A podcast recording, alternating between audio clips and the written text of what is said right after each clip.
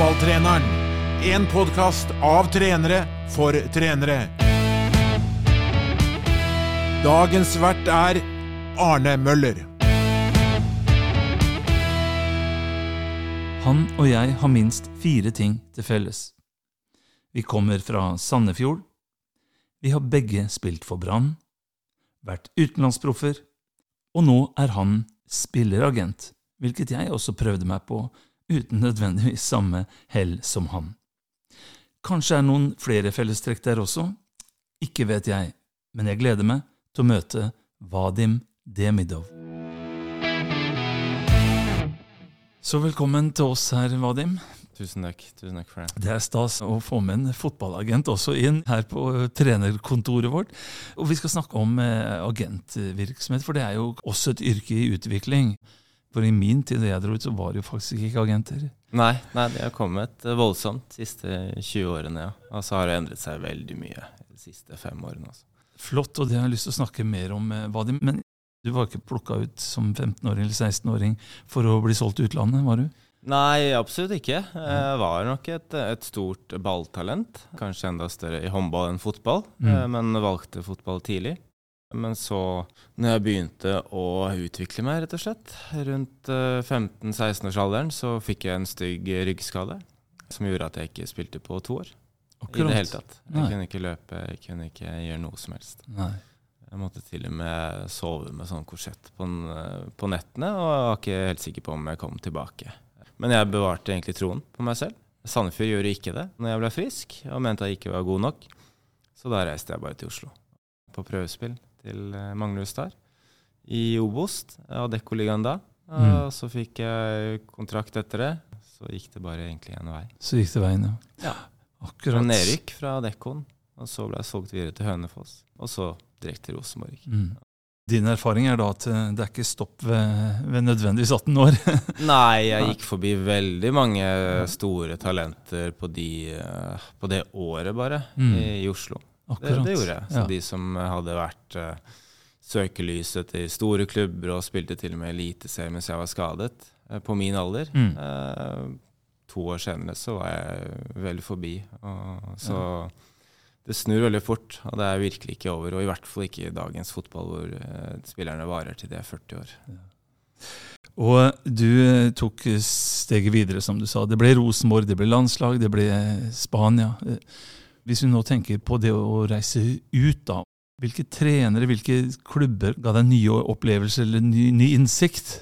Jeg fikk en liten forsmak på det i Rosenborg når vi Mm. spilte i Europa nesten hvert år. Da fikk jeg kjenne på det at det, det ligger noe mer her ute Mm. eh, enn Norge. Eh, og det ligger noe større. Mm. Eh, Samtidig så var 2008-2009 så var publikum på kamper her. Så jeg husker det var veldig, veldig gøy å spille her òg.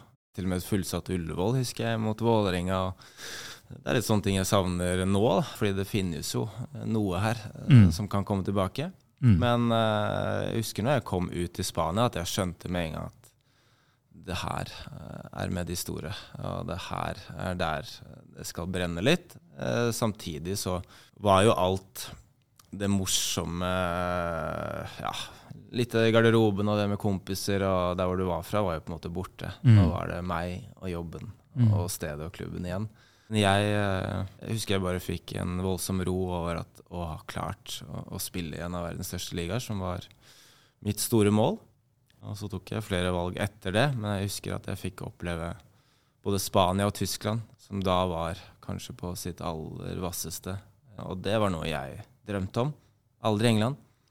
Nei, det, I min tid var jo England faktisk stengt, var før EU åpna opp. ikke sant? Så, så det, det var jo det var faktisk ikke et marked for verken Johan Cruyff eller mindre spillere. For eh, det var liksom Ja, det står jo veldig sterkt i Norge, Mm, men mm. kanskje ikke ellers. Eh, drar du til Spania, så er det ingen som tenker på å dra til England og de spillerne Mm. før de vanvittige lønningene kom, f.eks. Eh, så men absolutt en helt annen kultur. Men Mm. jeg husker i Spania så Jeg var jo i Tyskland halvt år, men mm. ville bare tilbake til Spania. Så jeg, jeg traff på en måte min, min liga, hvor jeg trivdes, og det var også mitt, mitt mål. Mm. Uh, når jeg fikk gjort det, så var jeg egentlig fornøyd. Kanskje litt for fornøyd. Men for oss da som trenere her som sitter og lurer litt på, iallfall jeg, når du da kommer ut og du sier at det er hvassere og sånn, Hva er det du lærer eller kjenner på da som jeg som trener kan eh, tenke på? Der er treneren trener. I Norge er man mye tettere på trenerne og trenerteamet enn man er der ute. Mhm. Um, og det kan være en fordel, men jeg tror ikke det er en stor fordel når du skal ut. For hvis Nei. du har en trener som du er vant til kommer etter hver kamp, eller uh, døra står åpen, sånn som vi er her i Norge, da. Mm. Ja, det er jo superfint, det. mm. Men du får ikke det i utlandet. Nei. Det gjør du ikke. Det er veldig sjeldent. Kanskje det begynner å komme litt mer nå og nå, men Mm. det, de trenerne jeg møtte, var jo altså, urørlige, nesten. De tenkte på deg som fotballspiller Mm. og brydde seg ikke kanskje om hvordan det gikk hjemme eller det, men du kommer, og enten så leverer du, eller så gjør du ikke. Det er ikke noe 'hvorfor spiller ikke jeg'? Nei. Du må lære å stå du spiller på. ikke, eh, rett og slett. Og det tror jeg mange her i Norge bør bli litt mer oppmerksomme på. Ikke at man skal bli slemmere med spillere, men mer at man kanskje forbereder spillerne på at ja, greit, døra er åpen her, og du kan komme inn her og være sur for ikke at du får spille, men husk på at hvis du vil ta et steg til, så kan ikke du komme inn sånn her på kontoret mitt, eller Mm. Det er litt sånne ting. For Ja. jeg føler noen ganger at um, trenerne er litt for snille her Mm. mot noen spillere som også kan kanskje dra litt, uh, litt for nytte at det er litt behagelig. Akkurat. Så vi må være litt uh, tøffere. Eller forstå for, at for ja. deres eget beste. Ja. Det er litt sånn litt samme mantra jeg har med mine barn, og min far hadde med meg. Mm. Uh, vi er ikke uh, Jeg vet ikke om han sa det direkte til meg, men den følelsen jeg fikk, uh, og som jeg sier videre til mine barn Vi er ikke bestevenner. Jeg er sjefen din til slutt. Akkurat. Så ja, når ja. du skal legge deg, det er opp til meg. Det er Mm. ikke noe vi finner på. Og det er litt Mm.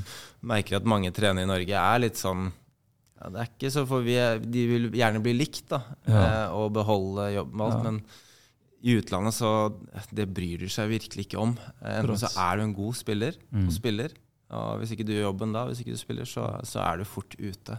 Blir vi for tjomslige, for som de sier i Bergen? Altså for Ja, kameratslige? Det, ja, det gjør jo det, Ja, ja. uten at kanskje at man er såpass god. Mm. Ikke sant? Ikke sant? Eh. Det er litt det. Mm. At man tror at jeg gjør bare det samme der, og har det samme forhold til treneren, men, Mm. men sånn er det ikke. For der Mm. i Norge så folk kjenner til deg fra du er ung, og du kommer dit som en Mm. vare. Du Mm. skal levere eller Mm. ikke levere. De bryr seg ikke om du har hatt det tungt de siste årene, eller om du hadde skade fra du var 16 til 18. Det var ingen som spurte meg om det. eh, Om det var noe med kroppen min da, eller eh, Så, så det er litt at da må du levere, eller så er det ut. Og sånn er det jo ikke her. Her er det veldig mye sjanser og mye prat. Det er veldig fint, men hvis du skal ta det er veldig fint for en som bare vil være i Eliteserien. Hvis du skal videre, så, så tror jeg mange trenere kunne kanskje turt da, å være litt upopulære for å til slutt få en takk. Så jeg har hatt noen trenere jeg har mislikt Mm. i Norge, Mm. men til slutt så er det kanskje de som har hatt mest å si for min utvikling.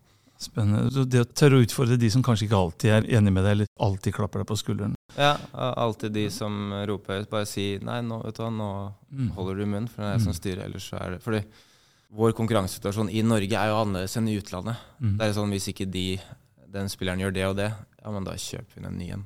Her i Norge er det sånn Hvis ikke jeg får han i gang, så har jeg ingen. Skjønner du hva jeg mener? For det er, liksom, ja, ja, det er ikke ja. noe bredde Nei, nei, vi er nødt til å, vi er nødt til å forholde oss har til de de elleve, Ja. og derfor må vi gjøre Ja. de fornøyde. Mm. Men da blir det også sånn at i de elleve så vil det være noen som begynner å kanskje bli litt latere, og det, Mm. det hører jeg ofte om, liksom at han spiller uansett. Så.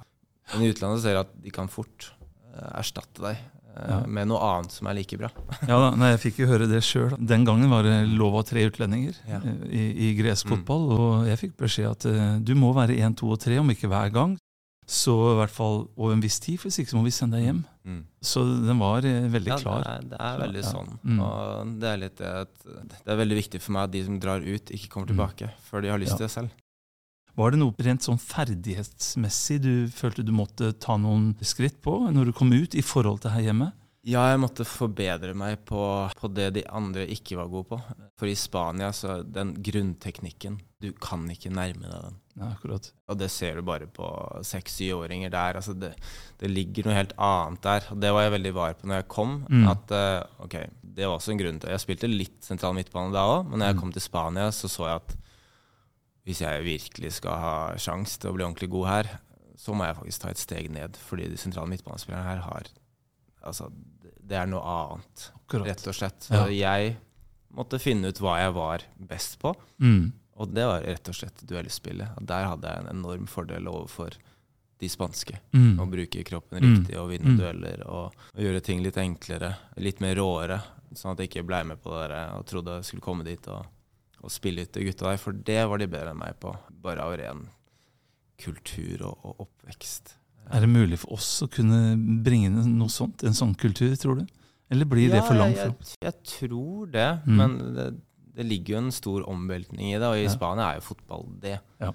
Her er det litt Mm. eh, fortsatt uh, fotball et halvt år og en annen idrett. Eller, det er veldig mange andre idretter her da, som også står høyt i kurs, og så er vi ikke så mange.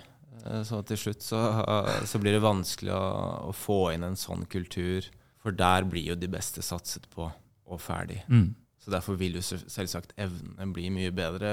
Det er jo en vanskelig diskusjon, men derfor vil jo de som kommer seg ut av det som er en tøff eh, hverdag, vil jo på en måte selvsagt bli bedre på det, på det grunnleggende. Det tror jeg ikke er noe tvil om.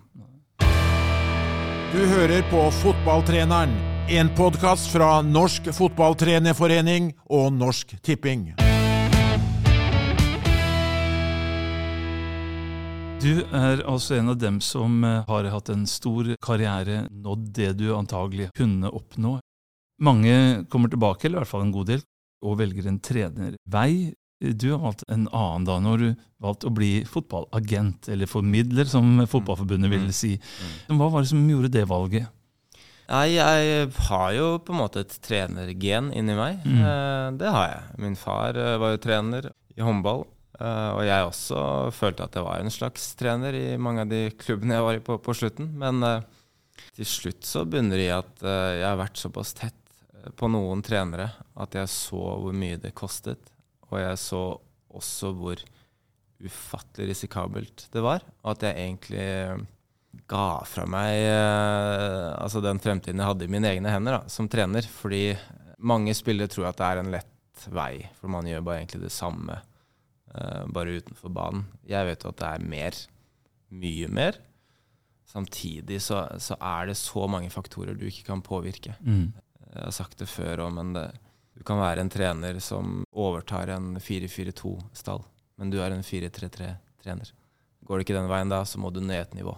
Der også kan det kanskje få en skade på to-tre av dine stjernespillere, og ikke få resultatene. Og så fortsetter du sånn nedover, uten at du kanskje Du er en veldig god trener, men det er så mange faktorer som skal Ja. falle på plass. Du er overlatt til veldig mange andre enn deg sjøl, da. Ja, ansvaret er bare ditt. Jeg syns jo hvis du vil gå en enkel vei, Mm. bli assistenttrener. I hvert fall i Norge. Ja. For det, men som hovedtrener så ser jeg at det er veldig vanskelig, for du tar hele ansvaret. og Det er ikke en veldig takknemlig jobb, og den tar mye utover både familie og din egen fritid og hverdag. Mm. Og jeg eh, måtte se meg i speilet, og er du villig til å, Mm.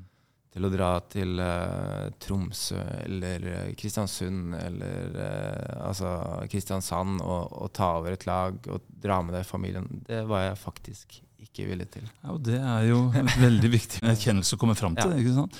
Men agent, da, det er jo ja, men det er jo fy-fy, det er det ikke det? Jo, det er det.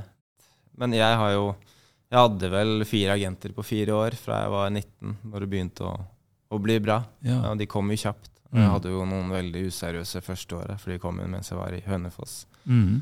Uh, og så hadde jeg jo flere OK etter det. Mm. Uh, og så når jeg skulle til Spania, så merket jeg at nå, nå trenger jeg bare noe jeg må stole på.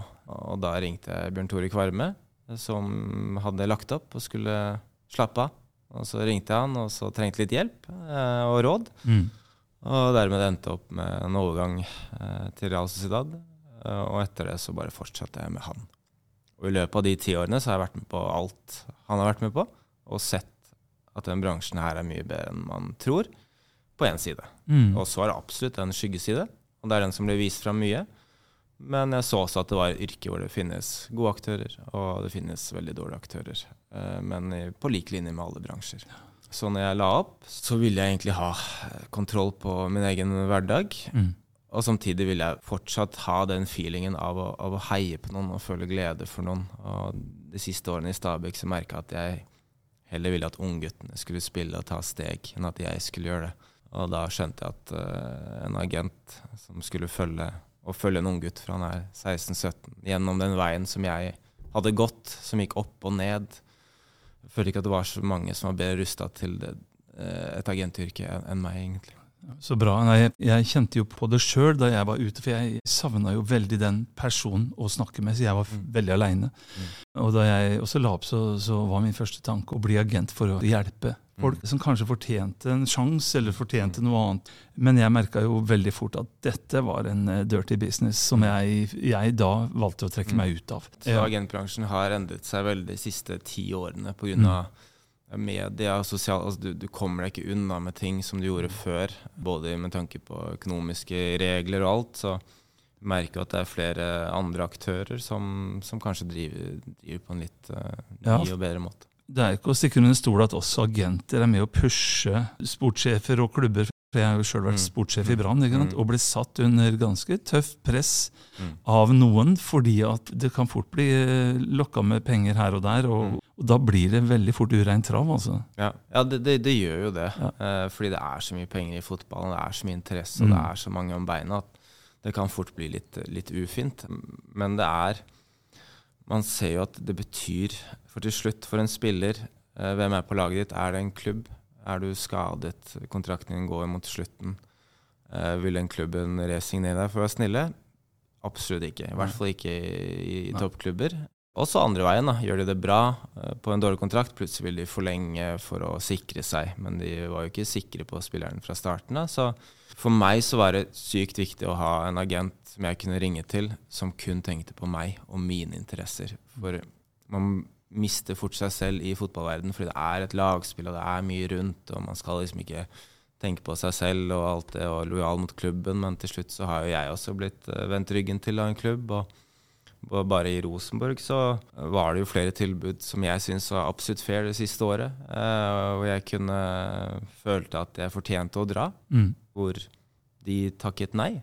Og det var helt fair, men når jeg da ikke ville forlenge en ny kontrakt etter det, så var det på en måte jeg som var den store stygge ulven, selv om jeg syntes det var eh, rettferdig det jeg hadde gjort. Og da gikk jeg ut kontrakten da, og fikk litt dritt, liksom. Men uh, det er da jeg hadde en agent som var på, på min side, og det, det gjør det litt lettere. For det, det er en ensom vei man går som Ja. Men uh, hva da hvis jeg som trener nå jobber med unge spillere, og kanskje de blir uh, attraktive og kontakter agent og sånt. Hva er rådet til disse spillerne? Hva, hva kan du si om det? Det er å være tålmodig så lenge du kan til altså, de beste aktørene kommer på banen. Jeg tror nok den største feilen man gjør, er at man føler at man må ha en agent. Mm. Fordi det er mange aktører som spiller på det. Det er mange som går på de yngste fordi de ikke har sjanse til å, å ha de beste som er eldre eller etablerte. Uh, derfor ser vi at det er mange useriøse aktører blant de aller yngste. Kan jeg da som trener gå inn og si at ja, men hør her, kamerat, altså vent litt med det her, og, og på en måte Jeg syns dialogen mellom en trener og, og foreldre kan bli enda tettere på det. Ja. Eh, men der har jo på en måte også både forbund og vi agenter en jobb å gjøre med å, å, å ha litt mer åpenhet rundt det med agent. Og være åpen om regelverket. For det, det er et ganske klart regelverk i det å, å kontakte unge gutter.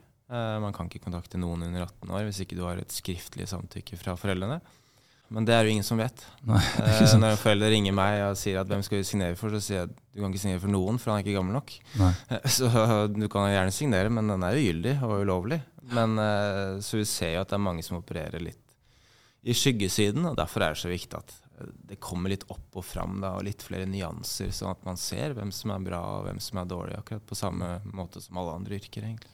Hvis jeg da som en eh, norsk eh, klubbleder skulle tenke at ja, men vi har nå lyst til å løfte norsk fotball, hvordan kan vi jobbe da uten at dere selger alle de gode spillerne som kommer opp? Altså, Norsk fotball blir bedre, altså. Det er jo strukturen. altså Nå har jeg besøkt veldig mange akademier rundt omkring. Mm. eh, Men man må finne sin egen struktur i Norge, for det er litt annerledes med både klima, kunstgress og kultur. Men det ligger jo mye mer i det å putte mer penger i norsk fotball og, og bruke si, si du selger noen, bruk uh, flesteparten av det på å utvikle akademi med enda bedre trenere, enda bedre fasiliteter gjør det proffere. For det skal ikke så mye mer til for en 15-åring å føle at man er i et proft miljø og en fin garderobe og, og et godt anlegg, enn at det er akkurat det som møter de når de drar på jeg har det et prøvespill til Midtjylland eller FCK. Og det er litt for meg Hvorfor skal norske gutter dra på prøvespill til, til Midtjylland?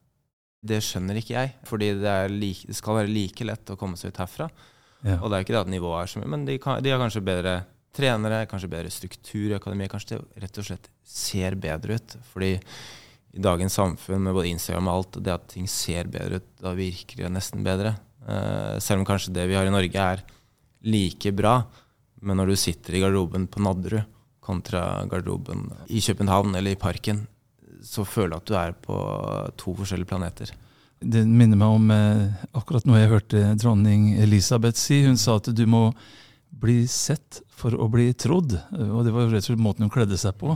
Og det er noe med det altså, det vi opplever, er proft nok. Det er det du sier, og ikke minst da på kvinnesiden. Mm. For kvinnene våre, som jeg har også jobba en del mm. med, mm. så fortviler jeg litt. For at når TV-kameraene står på 100 meters avstand, så blir de jo ikke veldig proft.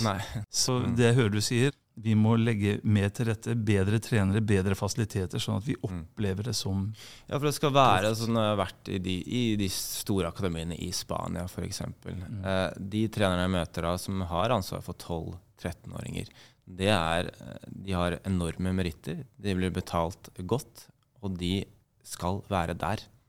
De skal ikke altså, gå oppover hele veien de neste årene. Liksom. De skal få ut de beste tolvåringene og gi dem videre. Og prøve å gå hele veien, men de har dem der og da. Og det er trenere på et voldsomt høyt nivå med en enorm CV, og som blir også betalt deretter. Men derfor kommer jo proffspillere på løpende bånd fra de akademiene fordi de føler seg ivaretatt, og de er seriøse, og de ser ikke på noe annet. Er det dette Bodø-Glimt gjør nå i større grad? Jeg så de hadde ansatt flere i akademiet. Mm. De har fått ja, økonomi ja, ja. til det, så det er liksom rett vei å gå. Ikke? Ja, hvis de, hvis de, gjør det på, på, den måten, så absolutt. De må finne, alle må finne sin egen vei. fordi Bodø det er ikke sikkert de kan gjøre det samme som her i Oslo, men det, litt, det, det betyr mye mer enn man tror. For hvis man ser de der unggutta som er der ute, og man ser hva de legger ut på Instagram, så er det som regel at de står utenfor akademiet foran den store klubblogoen. og og her var jeg, liksom. Om hvorfor har ikke vi det? liksom? Hvorfor kommer man ikke til eh, en stor logo hvor det står Rosenborg Akademiet, og ting er fresht, og ting er moderne, og gutta har klærne på stell, og garderoben er bra nok, og det er plass til alle.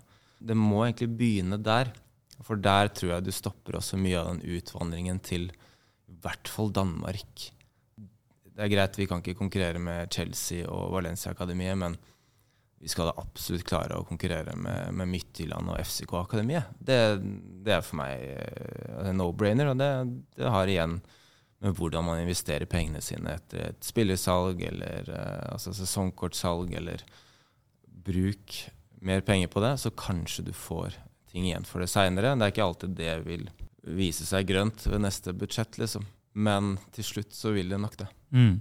Så det, det, du sier er at vi må rett og slett løfte status og vite hvilke grep som er nødvendig, mm. og, og, vise at, det, at dette er, er vi faktisk stolte av. Ja, jeg tenker jo det. For eh, sånn som uh, tar litt utgangspunkt i der hvor jeg er litt tett nå, er Valencia Akademiet. På treningsfeltet til Valencia så går uh, banen starter uh, på én side, og så går den på en måte i en U fra du er syv år. Og så går du fra bane til bane, utvikler deg helt til du er på A-laget. Mm du går steg for steg. Samtidig så er det et miljø hvor du ser A-laget trene, og de gutta er rundt dem. Men samtidig så er de ikke med dem. De får ikke røre den banen de A-lagsgutta er på. Men det syns jeg er en, er en, sunn ting. da. At ting er proft fra starten av, men samtidig viser at du er ikke helt der ennå. Men vi skal gi deg verktøyene til det, i hvert fall. Du kan gå hele veien her. Du blir sett.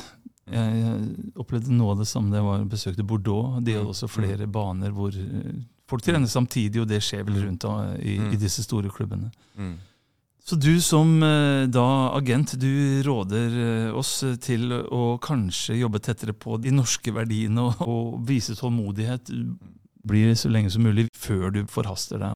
Og det å ha en agent når du er 15 år, er ikke nødvendigvis det kan hende det er noen som kanskje ikke kommer seg videre i Norge. Mm. Det er mm. også noen spillere som kanskje ikke passer inn her, og mm. da kan man se på andre ting. Men jeg føler at hvis du er på en god vei her og har sjanse til å slå igjen på A-lag og sånn, så, så, er det greit å vise litt tålmodighet. fordi det er ikke så mange andre enklere veier inn på et seniorlag enn i Norge. Nei. Det er jo ingen tvil om.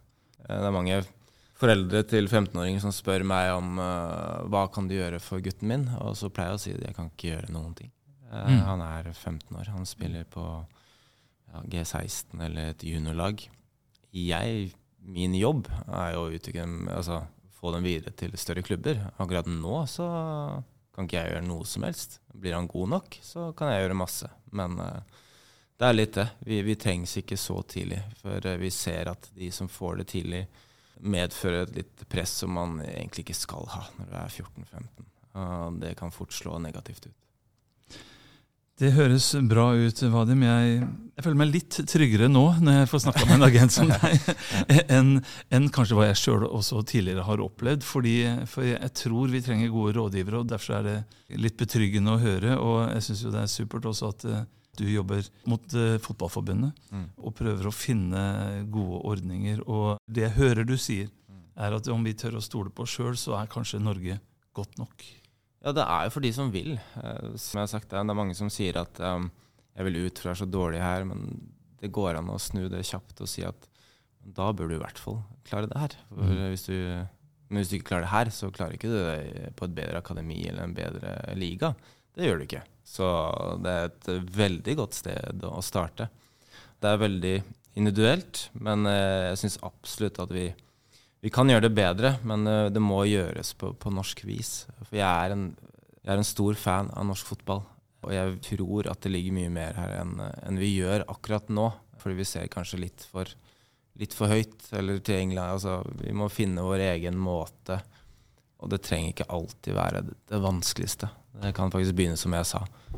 Putte opp et skilt hvor det står eh, 'Akademiet til eh, Stabæk', 'Akademiet til Vålerenga'. Altså investere litt i de unge gutta, så det ikke de begynner å lete etter andre ting allerede i 15-årsalderen. At de faktisk føler at de er i en storklubb allerede. For det, det har mye med fasiliteter å gjøre. Mm. Eh, det er mange som har tatt et klubbvalg bare ved at den stadion er nedslitt. Den stadion er helt ny og fin. Det, så enkelt er, er, vår hjerne. Vi er ikke, vi er ikke så, så, så, avansert som eh, vi tror. Dette er utrolig spennende, Vadim, og vi kunne snakka lenge. Tusen takk for at du tok deg tid, og veldig kjekt å høre at du tror på norsk fotball. For eh, vi kan få til spennende ting igjen, og eh, du har i hvert fall gitt meg tro på at så kan skje igjen. Så ja, tusen takk for at du kom. Tusen hjertelig takk for at jeg fikk komme. Du hører på Fotballtreneren en podkast av trenere for trenere.